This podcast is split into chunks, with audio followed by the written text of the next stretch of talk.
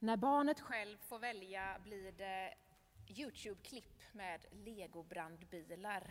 Och jag sitter där bredvid och önskar att jag kunde blunda med öronen. Och så tänker jag på hur Gud blev människa. Gud som kliver in mitt i verkligheten, mitt i vardagen. Hade Gud kunnat kliva in här, i Mölndals vardagen? Ta några vabbdagar, täcka upp lite i sjukfrånvaron på arbetsplatserna runt om. Vägleda i olika dilemman som vi står i. Kanske ta några pass på IVA för att avlasta någon annan. Vad hade Gud satsat på som människa i Mölndal december 2021? Tanken känns så spekulativ, för egentligen handlar inte julen i vår vardag mer om att hinna köpa julklappar och julgran. Se till att hålla sig frisk för att kunna träffa dem man längtat efter att träffa. Och emellanåt försöka stanna upp och hämta andan för att med lite julmusik försöka ta in stämningen och nuet. Är det inte detta mer än de faktiska konsekvenserna av att Gud blev människa som upptar våra tankar och sinnen den här tiden på året? Men det var ju ändå i vardagen som han kom. Hans mamma tillhörde de som inte fick plats i förlossningsvården. En av de som fick föda utanför. Det var hedarna som mitt i arbetspasset på nattskiftet först fick veta vad som hade hänt. De var på jobbet, i sin vardag. Kanske var det kallt och hungrigt. Kanske var det ändå ganska trevligt för att någon av dem berättat något och fått alla att skratta. Mitt i vardagen kom budet om att ett barn är fött och natten fylls av ljus. Var det änglarna, Guds budbärare och representanter för den andliga världen som gjorde så att Herrens härlighet plötsligt lyste omkring hedarna? Eller var det bara den inte särskilt ovanliga, tvärtom oerhört vanliga händelsen att ett barn fötts. Som i sig fick härligheten att stråla och hedarna att skynda sig till Betlehem för att med egna ögon se undret. Barn föds varje dag och natt, hela tiden. Alla som lever och någonsin levat är födda. Det är ingenting unikt med det. Samtidigt är det som att världen liksom stannar upp och förändras när ett barn föds. Det handlar inte bara om att själv bli förälder, inte heller om barn i allmänhet, som idé eller begrepp. Det handlar om varje enskilt barn. Jag var också mitt i vardagen för någon vecka sedan när en gammal vän i en chattkonversation berättade om ett barn som var på väg. Och var det inte någonting av Herrens härlighet som plötsligt strålade där kring mig och min mobiltelefon där i köket? Kanske ingenting särskilt, bara ett barn. Samtidigt något så stort och oerhört.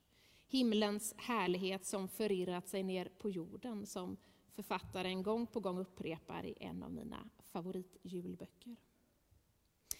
Varje barn som föds är inte Messias, Guds son. Men ändå kan varje barnafödsel ge en glimt av himmelsk härlighet och en nyckel till hur vi kan förstå julens under. För ingenting annat än ett barn kan väl rubba vår verklighet. Så.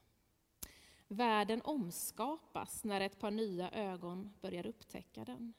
Ingenting blir sig mera likt. Varje barn som föds förändrar världen på sitt sätt, men vi märker det kanske inte eftersom det sker precis hela tiden. det nyfödda barnet så hjälplöst och maktlöst. Och på samma gång med så otroligt mycket makt. Jag tänker på Ronjas pappa Mattis ord när han för första gången betraktar sin nyfödda rövardotter. Du barn, i de där små händerna håller du redan mitt rövarhjärta. Jag begriper det inte, men så är det. Barnets påverkan på oss går kanske inte riktigt att begripa. Ändå kan vi erfara hur barnet förändrar allt. Och de här erfarenheterna de får vi bära med oss in i julens berättelse. För det handlar om erfarenheter. Det är också vad episteltexten, som vi inte läst nu på den här gudstjänsten, men som ni kan slå upp och läsa sen om ni vill, säger. Där skriver aposteln Johannes så här. Det som var av begynnelsen, det vi har hört, det vi har sett med egna ögon, det vi har skådat och tagit på med våra händer, det är vårt ärende. Johannes ärende är just konkreta erfarenheter. Det handlar inte om spekulationer, antaganden och teorier, utan om människors skildringar av vad de har sett och varit med om. Men för oss då som lever 2000 år senare så är det svårare. Vi kan inte träffa några ögonvittnen. Vi kan inte sticka några fingrar i spikhål. Vi kan inte se de där detaljerna som texterna utlämnar. Fanns det en åsna och en oxe där i närheten? Hur många var egentligen stjärntydarna? När berättelsen ska bli vår så blandas någon annans erfarenhet med våra spekulationer kring hur det var, hur det kändes där och då. Men jag tror att också vi kan bära erfarenheten, även om vi inte stod på plats och kunde räkna karaktärerna runt krubban. För erfarenheten handlar också om erfarenheten av att vara människa och om erfarenheten av att betrakta en ny människa. Det är just den mänskliga erfarenheten som är central i julens under. För det är den erfarenheten som Gud väljer att dela med oss. Våra erfarenheter som människor de kan vara universella eller unika. Men på något sätt formar de oss i alla fall till de människor vi är. Därför kan inte julens berättelser begränsas till ett mytomspunnet där och då. Berättelsen om att ordet blir kött, om att Gud blir människa, måste också få ta plats i vårt här och nu. Medeltidsmystiken Mäster Eckhart har skrivit att vi alla är avsedda att vara Guds mödrar, för Gud behöver alltid födas. Vi kanske inte är kallade att möta änglar som förkunnar oplanerade och oförklarliga graviditeter. Men vi är alla kallade att låta barnet gripa tag om våra hjärtan och att låta oss präglas därefter. Så småningom vågade rövarhövdingen Mattis släppa taget lite om sitt eget. Och med hjälp av barnets grepp kring hans hjärta så vågade han till sist sluta fred med sin fiende. Vardag i Mölndal 2021. Vad hade Gud som människa gjort här hos oss?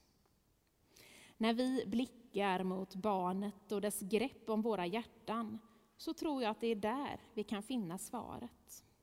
Barnet kan få oss att lite mer vilja bli bättre människor. Lite mer vilja vittna om Guds rike och lite mer söka frid och fred på jorden bland människor som Gud älskar. Amen.